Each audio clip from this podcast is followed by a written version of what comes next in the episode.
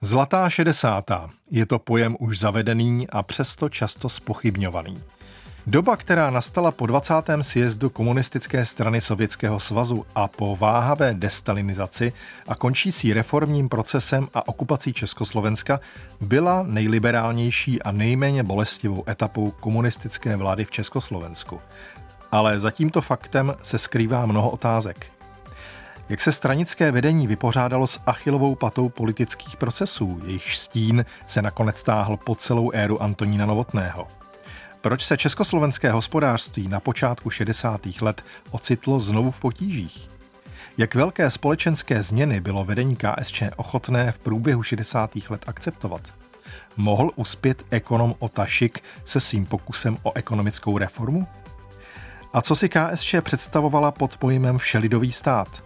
Na to vše se pokusíme odpovědět v osmém díle cyklu o dějinách komunistické strany Československa. K poslechu vás vítá Jan Sedmidubský. Téma plus.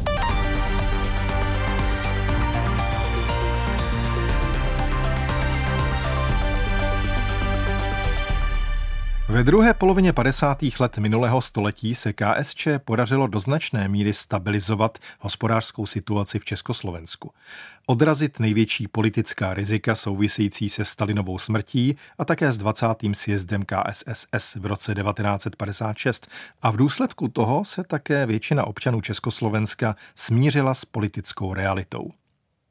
V časech otřesů v sousedním Polsku a Maďarsku u nás v zásadě s výjimkou ojedinělých protestů na spisovatelském sjezdu v roce 1956 byl klid. V roce 1957 navíc zemřel novotného konkurent v nejvyšší mocenské hierarchii KSČ, prezident a zástupce staré gardy Antonín Zápotocký. A jako určitý novotného triumf se projevilo i přijetí nové ústavy a vyhlášení Československé socialistické republiky v roce 1960. Podle paragrafu 54. odstavec 2. ústavy 9. května je třeba k platnosti ústavního zákona, aby pro něj hlasovali nejméně tři pětiny všech poslanců. Zjišťují, že přítomno 298 poslanců, tedy více než ústavou požadovaná tří pětinová většina. Kdo souhlasí s celým návrhem ústavního zákona, Ústavy Československé socialistické republiky, nechť zvedne ruku. Ruce zvedá všech 298 poslanců. Je někdo proti? Zdržel se někdo hlasování? Děkuji. Tím Národní zhromáždění jednomyslně přijalo novou ústavu Československé socialistické republiky. A pouze potlesku dotvrzuje výsledek hlasování. Takhle uváděl novou ústavu do života Zdeněk Fidlinger, ústřední hrobař sociální demokracie, který ji v roce 1948 nakonec přivedl do náruče komunistů. Fidlinger ovšem v té době patřil už k pomalu odcházející gardě funkcionářů a v našem dnešním příběhu už nehraje důležitější roli. Podstatné je pro tuto chvíli spíš značné sebevědomí, se kterým republika pod vedením KSČ do 60. let vstoupila – s novou ústavou se totiž také pojila amnestie pro politické vězně. Bylo jich tehdy propuštěno přes 5,5 tisíce, což znamenalo 64 z celkového počtu 8700. O amnestii rozhodlo v podstatě totožné stranické vedení, jaké v zemi vládlo už od roku 1948, samozřejmě s výjimkou popravených a zemřelých. Opět, na rozdíl od Polska a Maďarska, u nás nedošlo po 650. roce k žádným velkým odchodům z funkcí. Ministra obrany Čepičku vynechme jako atypickou výjimku. A rovněž příznačné je, že vedoucím první rehabilitační komise v roce 1957 byl ministr vnitra Rudolf Barák. Pochopitelně to celé vyšlo brzy do ztracena. O tři roky později se stranické vedení rozhodlo záležitost s procesy raději řešit právě s pomocí amnestie. Podrobnosti vysvětluje historik Zdeněk Doskočil. Ta amnestie byla vlastně prezentována jako demonstrace síly, demonstrace velkorysosti k našim protivníkům. V podstatě už jsme dnes v situaci, kdy všechno ovládáme, všechno máme pod kontrolou, takže si můžeme naše nepřátele dovolit propustit, protože už nám od nich nehrozí žádné nebezpečí. Mezi amnestií a rehabilitací se ale skýtal jeden zásadní a podstatný rozdíl. V případě amnestie ti lidé byli pouze podmínečně propuštěni na svobodu. Ty rozsudky nad nimi nebyly zrušeny a pořád na nich ulpívala eh, vina.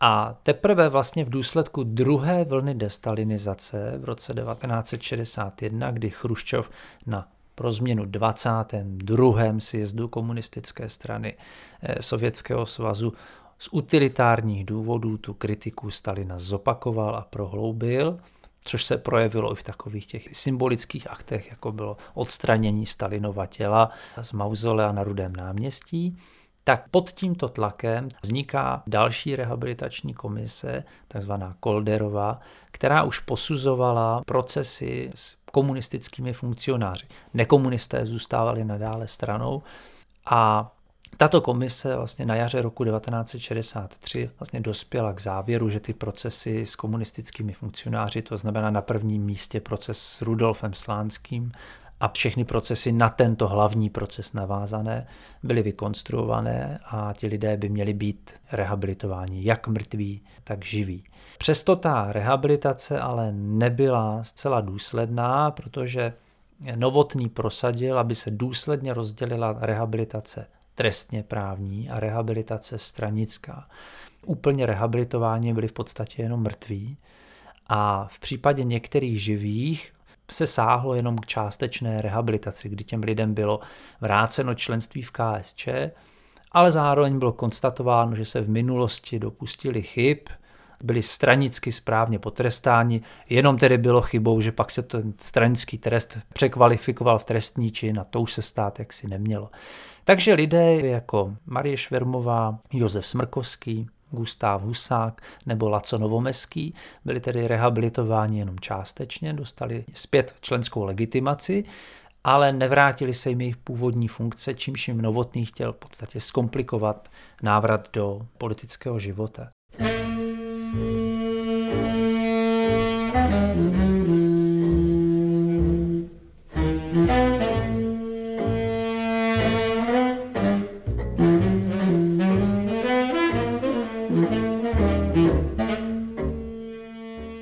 A dodejme, že zvlášť propuštěný politický vězeň Gustav Husák měl do budoucna Antonínu Novotnému pěkně zavařit. Tahle kapitola nás ale čeká až příště. V první polovině 60. let komunistickou stranu netrápila zdaleka jenom otázka rehabilitací. Relativní konjunktura umožněná tím, že díky měnové reformě z roku 1953 měla KSČ tak říkajíc našetřeno, na přelomu 50. a 60. let skončila. A my se tedy musíme dobrat odpovědi na otázku, proč se počátkem 60. let československé hospodářství opět ocitlo v potížích. No protože i v době té určité stabilizace vlastně působily někde pod Prahově ty dlouhodobé negativní momenty. A ty se v plné síle projevily na počátku 60. let.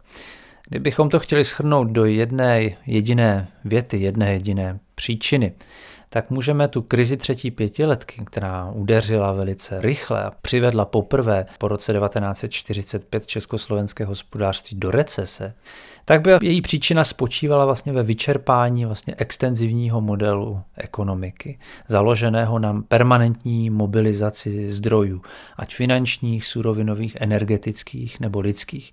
Když to tak řeknu, už nebylo kde z čeho brát a ten růst už nebylo tedy možné stimulovat právě těmito faktory. To byl, řekněme, ta příčina asi ústřední.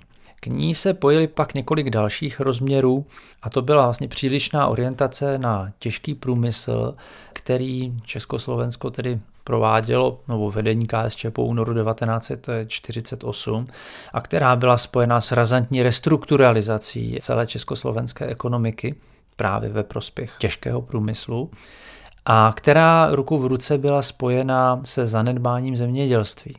A to nejenom v důsledku kolektivizace, která byla v 50. letech prováděna velice drasticky, tak i z příčin jiných, protože v důsledku kolektivizace z venkova více než milion osob odešel do měst.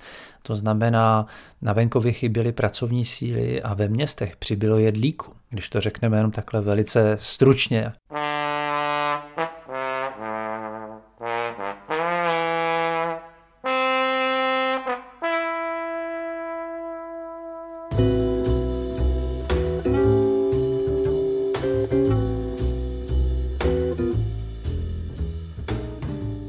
Následuje reportážní miniatura ze setkání na Pražském hradě v roce 1960, kterého se zúčastnili pozvaní zemědělci a také tehdejší ministr zemědělství a pozdější dlouholetý premiér Lubomír Štrougal.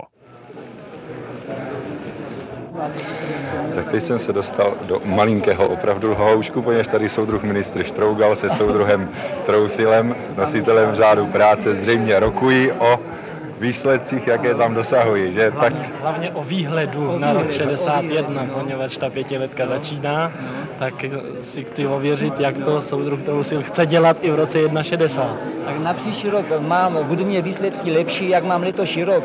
Kolik ty máš závazek eh, Já jsem měl na plán, rok 61? Na rok 61. Na rok 61 ještě závazek nemám, protože ještě teď nemáme... A v plánu, v plánu je uvažováno s jakou asi dojivostí? V plánu je uvažováno u nás dojivostí celkem celý jezeře má dojivost na letošní rok 3210 litrů průměr na každou krávu. Ty jsi letos dosáhl? No, já jsem letos dostáhl 4000 asi 117 litrů. A v roce 59? A v roce 59 jsem měl 5423. No tak pod, pod tu dojivost snad nepůjdeš v roce 61, pod tu 5000.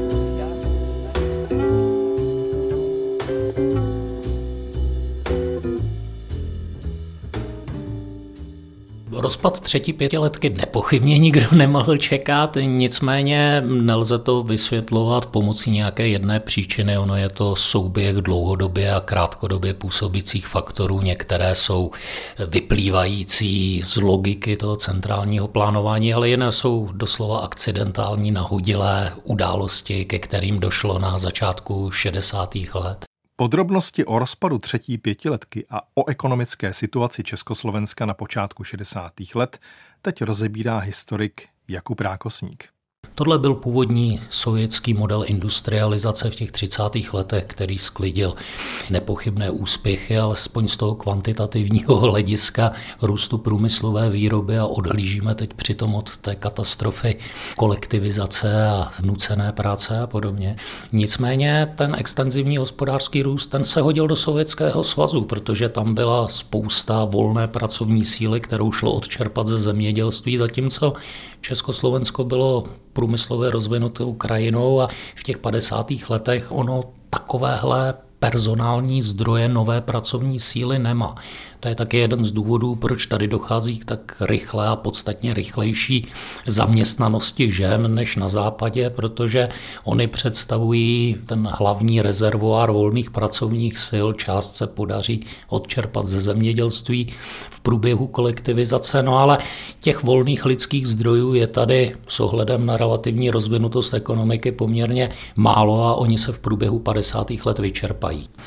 Pak druhý důležitý faktor takový střed střednědobí je určitý optimismus, který je spjatý tedy alespoň s tou první částí Chruščovova působení. Ono se to odráží i v tom, že v roce 1960 je tedy vyhlášená socialistická ústava, která konstatuje, že tedy budovatelská éra končí a že socialismus se podařilo zdárně vybudovat. Takže i tenhle ten jistý budovatelský étos úspěchu se nepochybně podepíše i na té třetí pětiletce, že tedy ona je naformulována jako velmi ambiciozní plán, kde se počítá s velmi rychlým růstem produktivity práce při současném zkracování pracovní doby, kterou prostě pak zkrátit nemůžou a zkracují až daleko se spožděním právě v průběhu roku 1968. No a pak jsou ty nahodilé faktory, z nichž nejzásadnější nepochybně je napětí v sovětsko-čínských vztazích. Ona ta Čína v 50. letech se stala poměrně důležitým obchodním partnerem Československá. Najednou tedy tato ekonomická spolupráce začala váznout, čínský odbyt najednou zmizel a Československo tedy o tuto vývozní možnost přišlo.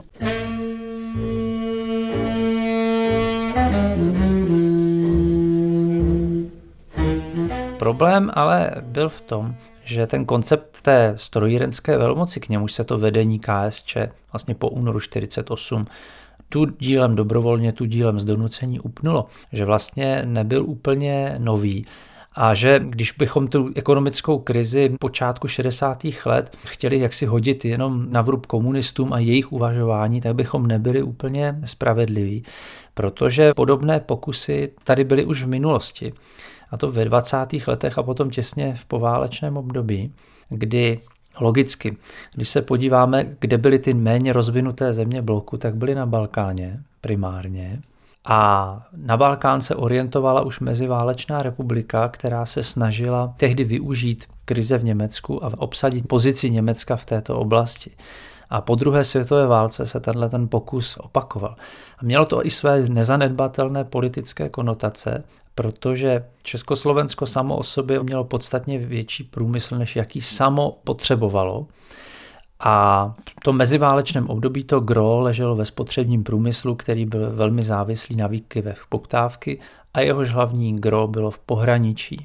No a spotřební průmysl byl potom za hospodářské krize drasticky postižen a zároveň řada jeho oborů byla považována za technologicky málo inovativní. To byl textil. To jsou sice obory pro ekonomiku důležité, ale že jak si ty tahouny budoucnosti už někde ve sklářství nebo v textilu nebudou, že to bude především ve strojírenství, chemickém průmyslu a tak podobně. Takže ta orientace na jiné obory, na méně závislé na výkyvech poptávky, měla i té své ekonomicko-politické konotace, kdy se tady odkazovalo na to, že jsme měli tak silný spotřební průmysl a byl v pohraničí a udeřila krize, kterou stát nemohl řečit, radikalizovalo německou menšinu a stát v podstatě smetlo. Takže za tou orientací na ten těžký průmysl byly tyto zkušenosti a tyto úvahy. Ale výsledkem bylo, že to reorientování té ekonomiky zase z mnoha jiných faktorů přivedlo Československo zase do další ekonomické krize, jejíž povaha byla ale jiná než ve 30. letech.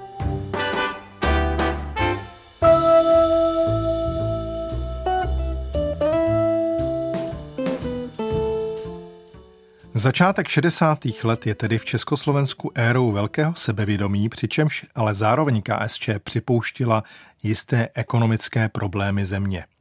A jejich překonání se také stalo vlastně jediným tématem ve veřejném prostoru, ve kterém byla dílčí kritika přípustná a kde se tak či onak operovalo s potřebou změny. Jenže se moc nevědělo, jak na to – Plánované hospodářství bylo zatím nedotknutelné a přitom jeho limity se už jasně projevily.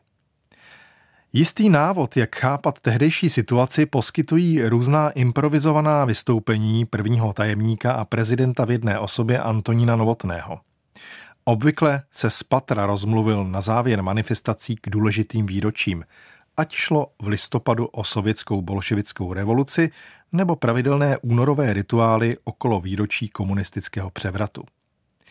Novotného vystoupení působí dnes už často lehce komicky, ale zároveň poskytují dobrou představu, s čím se muselo Československo v první polovině 60. let potýkat. A abychom byli spravedliví, problémy s energiemi jsou zřejmě věčné a neodstranitelné. Důležité je dodat, že část prezidentova projevu, kterou uslyšíte, už rozhlasoví posluchači tehdy v přímém přenosu neslyšeli, ale naštěstí byla přesto natočena. Soudruzi, bez sporu prožili jsme minulý a letošní rok velmi těžký. Letošní zima už se samotného Eh, samotného věstníku nebo oznámení Organizace spojených národů, i oni sami přiznávají, že nejtěžší zima prošla, nebo největší škody zima natropila právě v Československu, v Polské lidové republice a v Německé demokratické republiky, republice. My jsme skutečně za loňský rok prožili, za letošní zimu jsme prožili veliký já bych řekl, úder hospodářství, který jsme zdaleka nečekali. No vy sami nejlépe víte, co to znamená, jestli my od 15. listopadu až do začátku dubna jsme byli pod sněhem a prožívali jsme mrazy, které byly až 30 a dokonce i 35 stupňové. My to nikdy neprožívali. My jsme velmi byli poškozeni v našem průmyslu, v naší dopravě. Sami nejlépe znáte na závodech, jaké opatření se museli dělat ale v celém souhrnu soudruzi to byly veliké škody, které ještě dneska napravujeme. Dokonce některé tyto škody budeme ještě příštím rokem napravovat. Ale soudruzi, já znovu tvrdím, že jsou to přechodné nedostatky, že je v naší moci, abychom je překonali. Abychom, a vy víte, že máme za sebou mnohé jiné věci, které se museli překonávat. Tak toto i toto překonáme. Za druhé, soudruzi, abychom věřili naší komunistické straně Československa.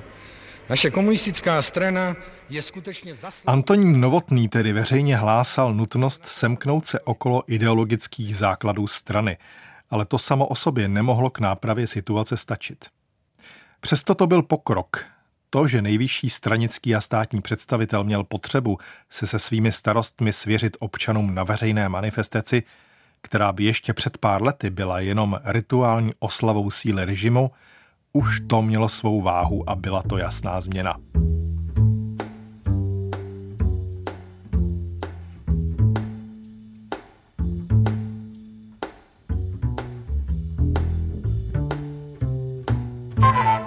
V době toho největšího ekonomického propadu, což byly tak roky 1962-63, se ta ekonomická krize projevila poměrně závažnými zásobovacími obtížemi, kdy nedostatek určitých druhů potravin a vedení KSČ dokonce naprosto vážně uvažovalo o opětovném zavedení přídělového hospodářství čemuž nakonec nedošlo, protože i samotné stranické vedení shledalo, že by to byla politická sebevražda tento krok udělat.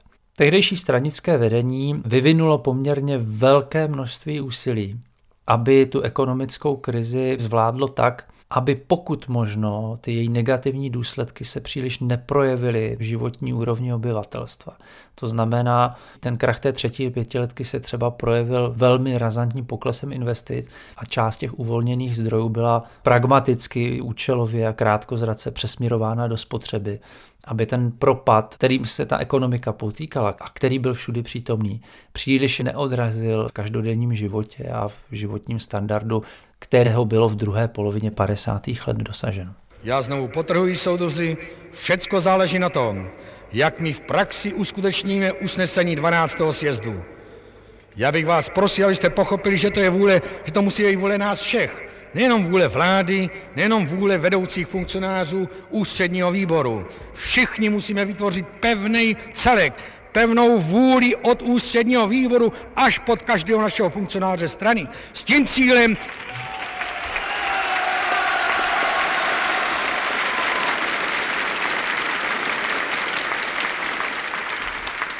tím cílem vyrovnat se se všemi nedostatky a výjít pevným krokem vpřed eh, na, na, na cestu i na naši budoucí cestu, cestu ke komunismu. Soudruzi jsme silnou průmyslovou zemí. Máme všechny podmínky, abychom co v nejširším měřítku uplatnili vědu a techniku do naší výroby. To všecko záleží také na nás.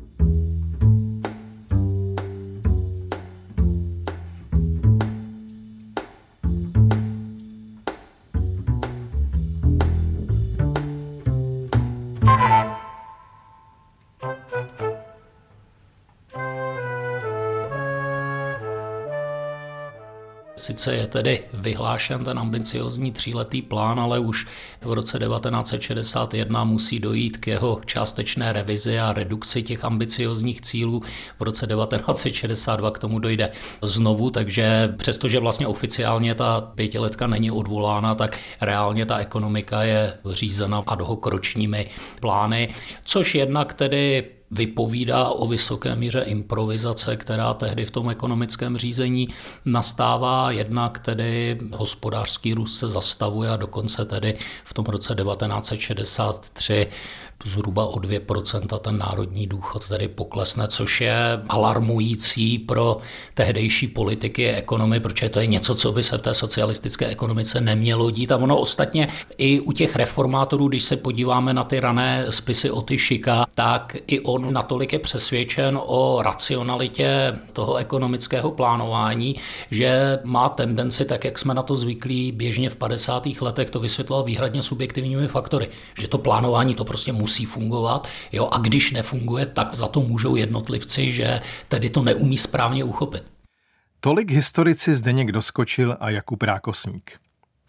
Dobová publicistika první poloviny 60. let nakonec veřejně pokládala i otázku.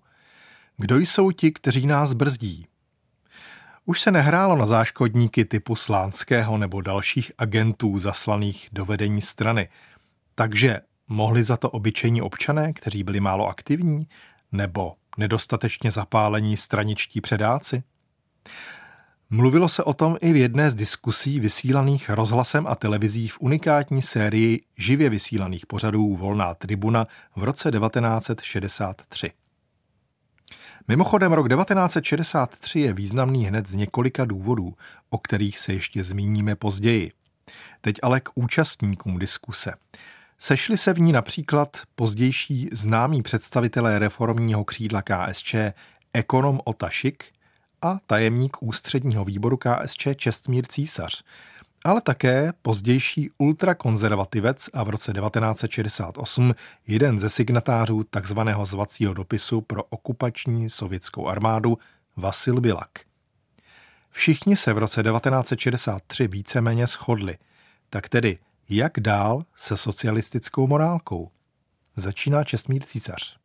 Jenom přesvědčovat dobrým slovem, jenom vykládat, jaký má být nový člověk, to je jistě nesmírně důležité, to je jistě správné, k tomu je celá naše ideově výchovná činnost zaměřena, ale nestačilo by to, kdyby současně nebyli všichni lidé vtaženi do toho aktivního pracovního procesu.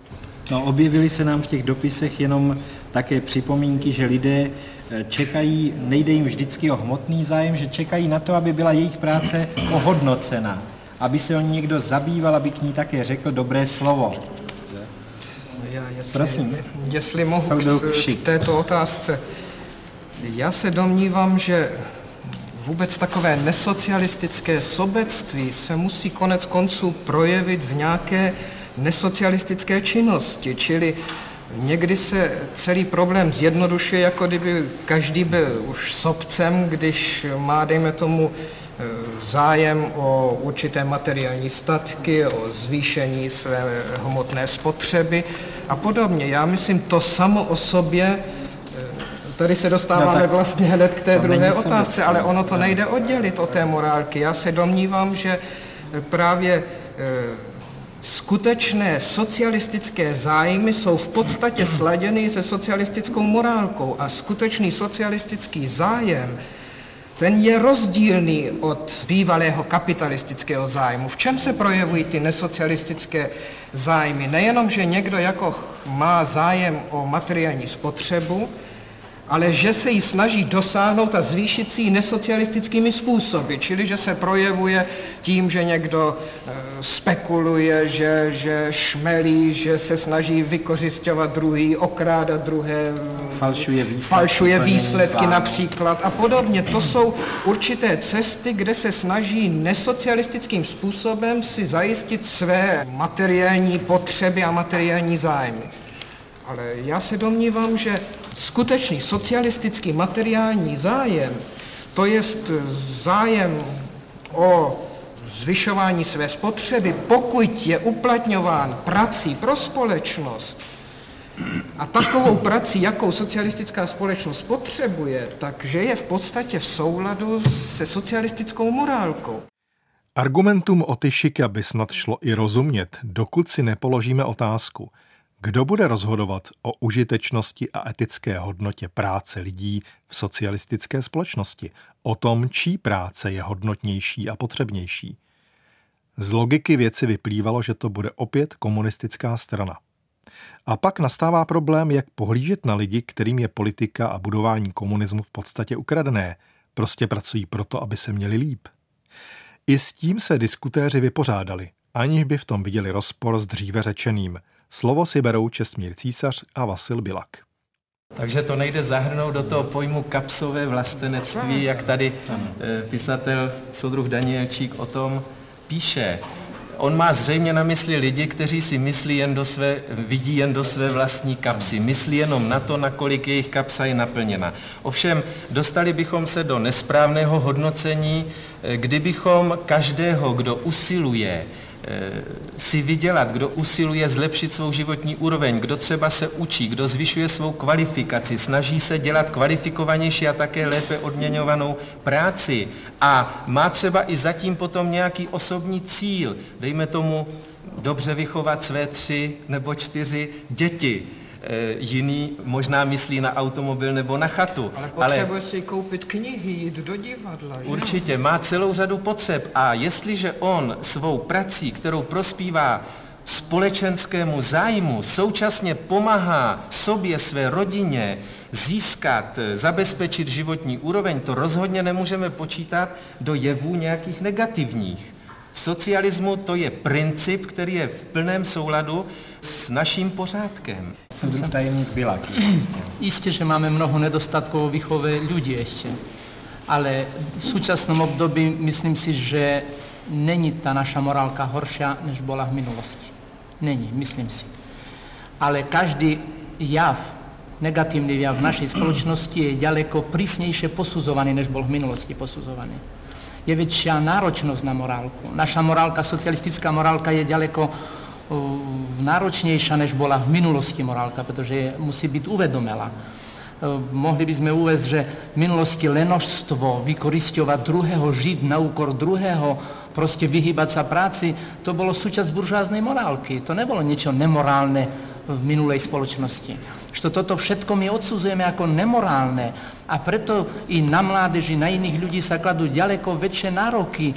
Naša morálka je ďaleko spravodlivejšia, pretože je ľudskejšia a preto i viac ľudí je do ní zainteresovaných. Takže tým, že človek chce obetave pracovať a je spravodlivé odmenený, no tak jeden a ten, kdo prepije peniaze, tak vyplatu, tak snad je nějaký viac morálny, ako ten, ktorý si kúpi niečo do domácnosti, navštěvuje kulturné podujatia, kupuje si knihy, vybaví si byt, prostě chce kulturně žít, po případě cestuje v volnom čase po republike i inde do zahraničia, tím jeho obzor sa rozširuje a stáva sa kulturnějším človekom. No iný to iným spôsobom minie, ale hovorí, že ten druhý je nemorálny, pretože pracuje a sa žene za peniazmi nebo niečo podobného.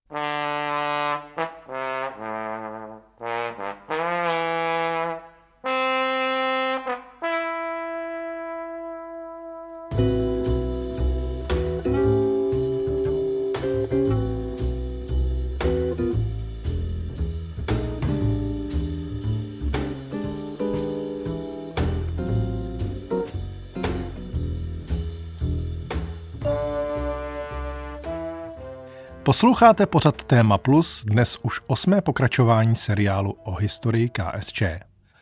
Provází vás jim Jan Sedmidubský a teď jsme se ocitli v roce 1963, což byl rok zprvu nenápadný, ale ze zpětného pohledu to byl zlomový moment po únorového 20 letí. Pokračuje opět historik Jakub Rákosník. Je tam celá řada hmatatelných indicí, proč ten rok 1963 vnímán za přelom. Jednak od té chvíle UVKSČ a Antonín Novotný berou zcela vážně nutnost ekonomické reformy a tehdy vlastně začíná tedy činnost toho týmu Otyšika, který se pokusilo druhou reformu. První proběhla v letech 58-59 a třetí pětiletka tu reformu pohřbila, takže do dneška není jasné, nakolik ta první reforma Kurta rozsypala, byla dobře připravená, mohla být úspěšná, protože ona skončila v půlce a vrátili se v reakci na tu hysterii kolem poklesu národního důchodu za třetí pětiletky, tak se zase vrátili tedy k těm původním centrálně direktivním metodám, či jak to označit. A pak přichází tedy právě od roku 1963 ten nový tým v čele s Otoušikem, takže to je určitě jedna zásadní změna, ta příprava ekonomické reformy a hlavně ten Otašik, to je primadona, on dokonce jako zlý jazykové z jeho okruhu říkají, hele, on vlastně v tom kolektivu zas tak moc nenadělal, ale on to dokázal skvěle prodat. On za prvé tedy uměl hrát mocenské hry na UV a jednak uměl vystupovat v televizi a prostě dokázal se stát miláčkem davu, ale to know-how to tam dodávali jiní lidé, ale tomu nemůžeme mít za zlé, prostě v tomhle odváděl dobrou práci.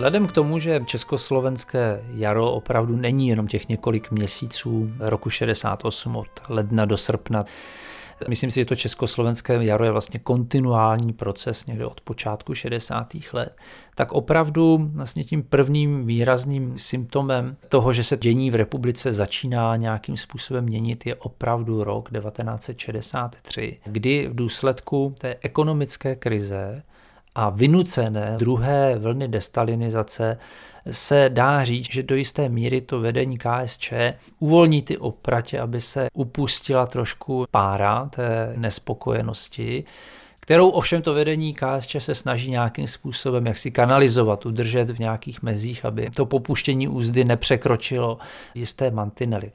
Takže rok 1963 a ta diskuze o dědictví 50. let Byť je to diskuze, která se drží těch mantinelů kritiky takzvaného kultu osobnosti a která samozřejmě zcela pomíjí represe, které byly zaměřeny proti určitým společenským vrstvám, nekomunistickým politickým proudům, církvím a tak dále. V podstatě řeší se jenom to utrpení komunistů tak navzdory tomu tenhle ten kvas vyvolá jistou společenskou diskuzi, která už potom se vedení KSČ nikdy nepodaří zcela utlumit.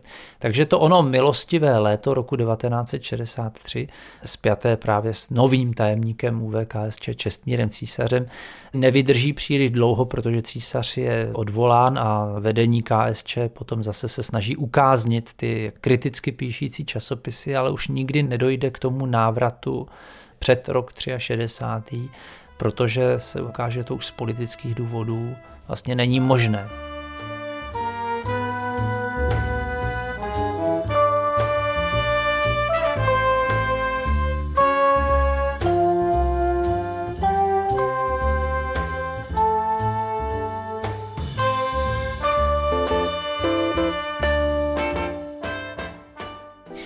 Dochází k personálním změnám ve vedení KSČ, že někteří takoví ti staří harcovníci spojení s 50. lety, ať už je to William Široký nebo Karol Bacílek nebo Bruno Keller, tak ty vlastně v této době končí jejich politické kariéry. Navíc právě tehdy dochází také k evidentnímu intelektuálnímu uvolnění. Je tam takový symbolický okamžik, ke kterému já bych pokud chceme hledat nějaký přelom směřující k té liberalizaci, tak je to prostě květen 1963, kdy proběhne v Liblicích Kavkovská konference a najednou vlastně tenhle ten symbol buržoazní dekadence se stává vážným a respektovaným tématem, tedy i marxistických jazykovědců a dalších odborníků. No a v neposlední řadě také se rozjíždí další kolo rehabilitací, které symbolizuje další krok pryč od stalinismu.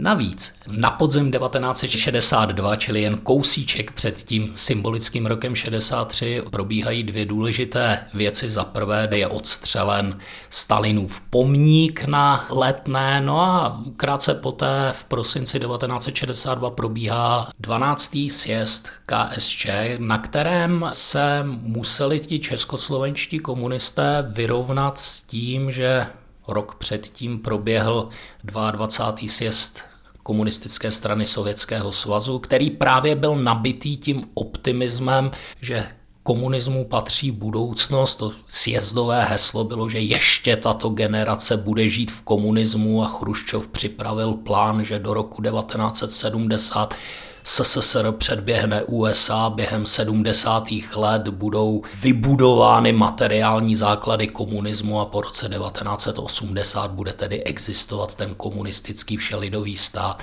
Někdy se říkalo o tom Chruščovovi, že to byl poslední věřící komunista. Je to přehnané, ale nicméně, přestože nám to může se zdát nepochopitelné, prostě pro něj a jemu podobné kolem toho roku 1960 ten komunistický projekt je stále uvěřitelný a zcela upřímný upřímně věří tomu, že je to lepší alternativa než tedy to tržní uspořádání. A podobně to vidíme i u těch našich reformátorů. Tuším, že kolem toho roku 1968 oni už jsou podstatně skeptičtější, ale v počátcích toho reformního úsilí na tom Šikovi je to vidět evidentně, že prostě on nepochybuje od nadřazenosti socialismu nad kapitalismem.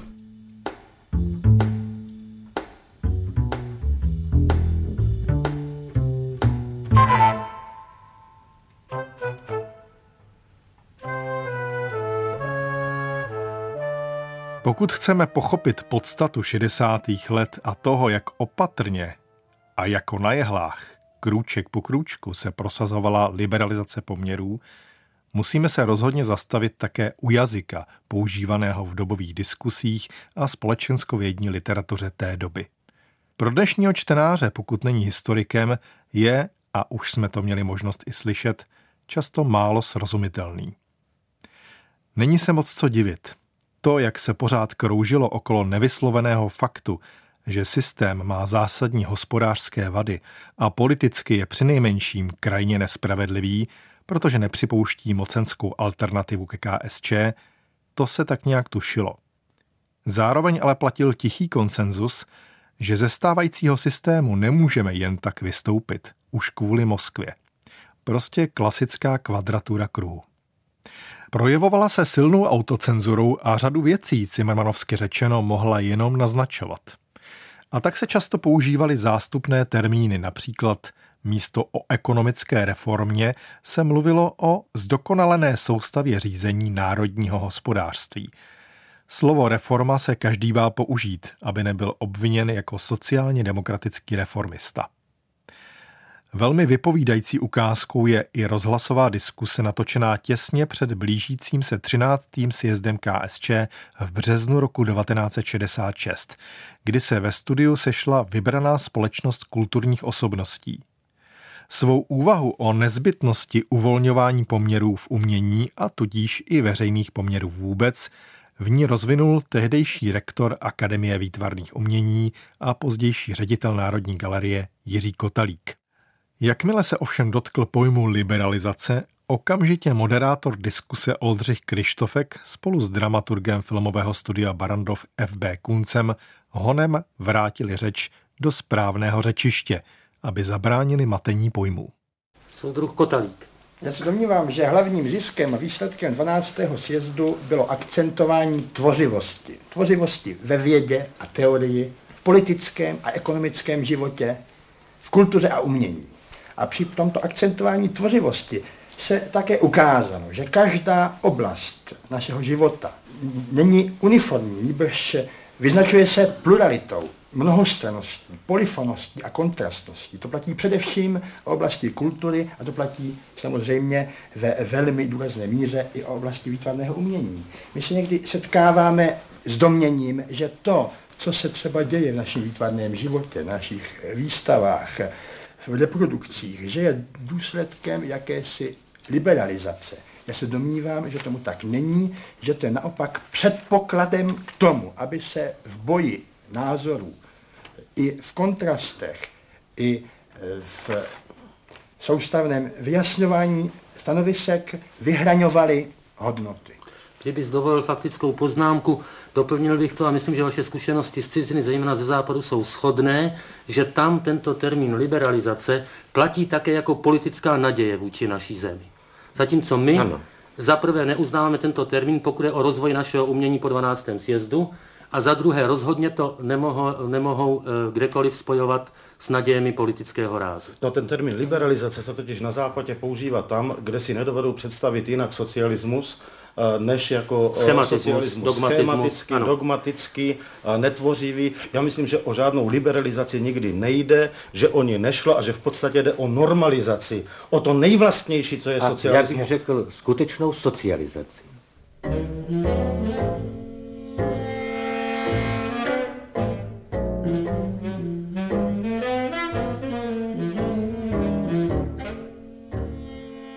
Z dnešního hlediska je absurdní, že se režiséři, architekti, filmoví dramaturgové nebo šéf Národní galerie vyjadřovali ke kulturní politice strany a k závěrům, které přijala. Ale v dobovém kontextu to logiku mělo, protože cokoliv, co zaznělo ze sjezdových tribun, bylo možné aspoň dočasně považovat za jakési vodítko možného rozšíření svobodnějšího prostoru. Z čistě mocenského hlediska ovšem nebyly sjezdy KSČ po druhé světové válce až tak převratné. Podstatné změny se většinou odehrávaly v době mezi nimi nebo na zasedáních ústředního výboru. Jistou výjimku ovšem představoval právě 13. sjezd z roku 1966, poslední předokupační. Už přeci jenom bylo znát, že ten reformní duch to novotnovské vedení KSČ nějakým způsobem začíná ovlivňovat. Ten sjezd vlastně potvrdil realizaci šikovy ekonomické reformy. A co sice na jedné straně působí dojmem určité ideologické ekvilibristiky, ale přesto si myslím, že to má význam. Určité úvahy, které ten sjezd formuluje v oblasti jakosi politicko-společenského vývoje, kdy se začíná hovořit, nebo je vyhlášena teze o všelidovém státě. O co vlastně šlo? Ten komunistický režim v té počáteční fázi své existence sám sebe charakterizoval jako diktaturu proletariátu. To znamená, diktatura proletariátu byla režimem velice nedemokratickým a ten razantní přístup k té společnosti s absencí jakýchkoliv demokratických pravidel byl vlastně odůvodňován tím, že revoluce zvítězila, ale ještě nějakou dobu potrvá, než vlastně se ty revoluční výdobytky upevní a budou vybudovány základy socialismu než ze společnosti bude odstraněn třídní antagonismus a třídní boj. Protože ten i po převzetí moci se nám zostřuje, jak hlásal Stalin. Když ale v roce 1960 je vyhlášena socialistická ústava začne se hovořit o tom, že základy socialismu jsou v Československu jaksi vybudovány, tak tenhle ten posun se s určitým spožděním zase pod vlivem určitých chruščovovských tezí promítne i do vývoje v Československu a začne se právě hovořit o takzvaném všelidovém státě, kdy se vlastně konstatuje, že my už jsme vlastně vybudovali nový typ společnosti, ve které už není třídní antagonismus. Protože staré třídy byly zničeny a mezi dělníky, rolníky a pracující inteligencí už vlastně žádné napětí není. To jsou nově vytvořené třídy, které vlastně společně směřují už tomu zvolenému cíli rozvinutí socialismu, přechod ke komunismu. Není už vlastně nutné žádného příslušníka té společnosti ostrakizovat, protože prostě je to nepřítel a podobně. Ti jsou všichni už eliminováni. Budeme naopak vlastně celou tu společnost integrovat, přitahovat a posouvat společnému cíli, což vlastně bylo doprovázeno i takovými těmi marxistickými tezemi o budoucím odumírání státu, jako té potlačovatelské a direktivní formace, takže tady vznikají takové zárodky takových úvah, že vlastně teď už by měli v mnohem větší míře v této fázi rozhodovat ty kolektivy. Proto vznikají ty lidové soudy, které mají řešit takové ty sousedské spory a mluví se o větší váze jaksi odboru. Je tam určitý posun už vlastně té společnosti, můžeme dopřát jistou míru nějaké demokratičnosti, že už si můžeme dovolit těm jednotlivým lidem více věřit a už je nemusíme tolik hlídat a dirigovat, protože už prostě jsme trošku jiné fázi vývoje. Pomineme-li, že všelidový stát je podobný nesmysl jako lidová demokracie, možná to mělo jakousi podivnou komunistickou logiku. Po diktatuře, kdy jedni začali utlačovat druhé, mělo prostě přijít všeobecné objímání. Ale v každém případě tato teze, pokud se ji pokusíme pochopit, je klíčem k vlastně málo srozumitelné reformní koncepci komunistů v roce 1968. Co si vlastně KSČ představovala a kam směřovala, pokud chtěla sama sebe reformovat a dál vést zemi? Začněme opět hospodářským systémem. Jak měla vlastně v praxi fungovat šikova ekonomická reforma?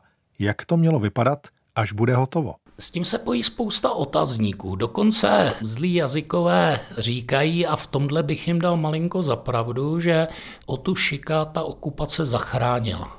Jo, protože on si vybudoval renomé chytrého ekonomického reformátora, ale připravil určitý plán, ve kterém zůstávala ještě spousta nejasností. I ten klíčový zákon, který byl předpokladem pro tu reformu, čili zákon o socialistickém podniku, zůstal neschválen, čili my vlastně nemáme ověření, jak by ta reforma fungovala. Jo, a řada kritik tedy je k tomu velmi skeptická, že ani tahle ta druhá reforma, obzvláště takový ekonomové z těch pozic neoklasicismu, no tak ty to samozřejmě smetou ze stolu, ale i ekonomové, kteří jsou, řekněme, vstřícnější k možnosti třetích cest mezi socialismem a kapitalismem, tak velmi často vyjadřují určitou skepsi, že u toho šika to skončilo v pravý čas, aby on mohl zůstat slavný a respektovaný. Jo, a kdo ví, jak by ta reforma reálně dopadla, zda by se podařilo skutečně ten princip chozera z čotu a samofinancování a určité samostatnosti podnikatelské těch podniků, zároveň v podmínkách plánované ekonomiky, jestli by se to podařilo zrealizovat, je velká otázka. Ale nicméně do dneška to působí jako mobilizující inspirace pro levici a takových inspirací zas tak moc není. Podotýká historik Jakub Rákosník. Tak tolik tedy ekonomická reforma. A pokud jde o politické změny, abychom byli ke zlatým 60. letům opravdu spravedliví, už za pozdní éry Antonína Novotného se odehrálo něco, co bychom mohli nazvat jakousi demokratizační předehrou. Slovo má zde někdo skočil. Například v roce 1966 je schválen nový tiskový zákon což znamenalo, že v Československu, a je to paradox, je konečně uzákoněná cenzura. Ona reálně existovala i předtím, ale její fungování nemělo žádnou oporu v zákoně. Teď tedy tu nějaký zákon vzniká, sice s dosti gumovými paragrafy, ale přece jenom jsou tady vymezeny nějaké zákonné mantinely, v níž to uplatňování cenzury mělo fungovat. Stejně tak v 60. letech dochází třeba k navýšení pravomocí národních výborů, k určité jasně decentralizaci rozhodování státní zprávy. Začíná se už před rokem 68 také hovořit o reformě volebního zákona, kdy volby by sice i nadále byly na principu jednotné kandidátky Národní fronty, a už se začíná velmi diskutovat o tom, že by byla možnost třeba volit z více kandidátů. Jo? Začíná se tam uplatňovat taková ta teze, která potom je velmi všudy přítomná vlastně v roce 68, že strana tady není od toho, aby řídila, ale strana je tu od toho, aby vedla. Že sice my chceme udržet si nadále i tu moc, ale přece jenom chceme vládnout poněkud jaksi méně direktivně, méně drsně a kompetentně.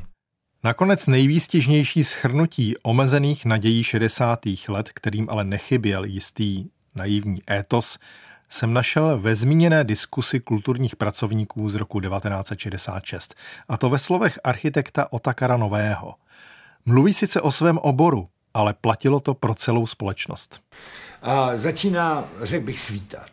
Talenty, osobnosti, silné kolektivy začínají pronikat. Můžete se jet podívat do Brna, eh, co tam udělali kolektivy eh, Františka Zonka, Viktora Rudiše, eh, Pavla Krchňáka, na sídliště Lesná, na Juliánov a nová sídliště, která připravují. Tam dokonce můžete chodit, což je zázrak, po hotových voza, eh, voz, vozovkách v nehotovém sídlišti. Mm, to je zázrak. A ještě krásnější věci nás čekají. Čili zázraky možné jsou. Zázraky možné jsou, ale stojí zatím neuměrné množství energie. Já bych to charakterizoval takhle. Končí grinderská epocha, která se nejmarkantněji projevila právě v oblasti architektury. My teprve vylezáme z té grinderské koncepce, kdy výroba, výroba měla zelenou, kdy všecko bylo koncipováno pouze jako pracovní proces, a to je pouze eh, fragment života. My jsme chtěli reprodukovat jenom pracovní sílu a zapomínali jsme, že musíme reprodukovat život.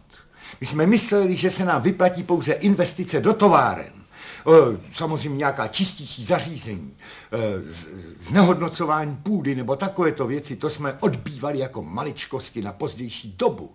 Ale ono se vrentují investice do celé oblasti, do celého cyklu života. Jinak ten život je znetvořen.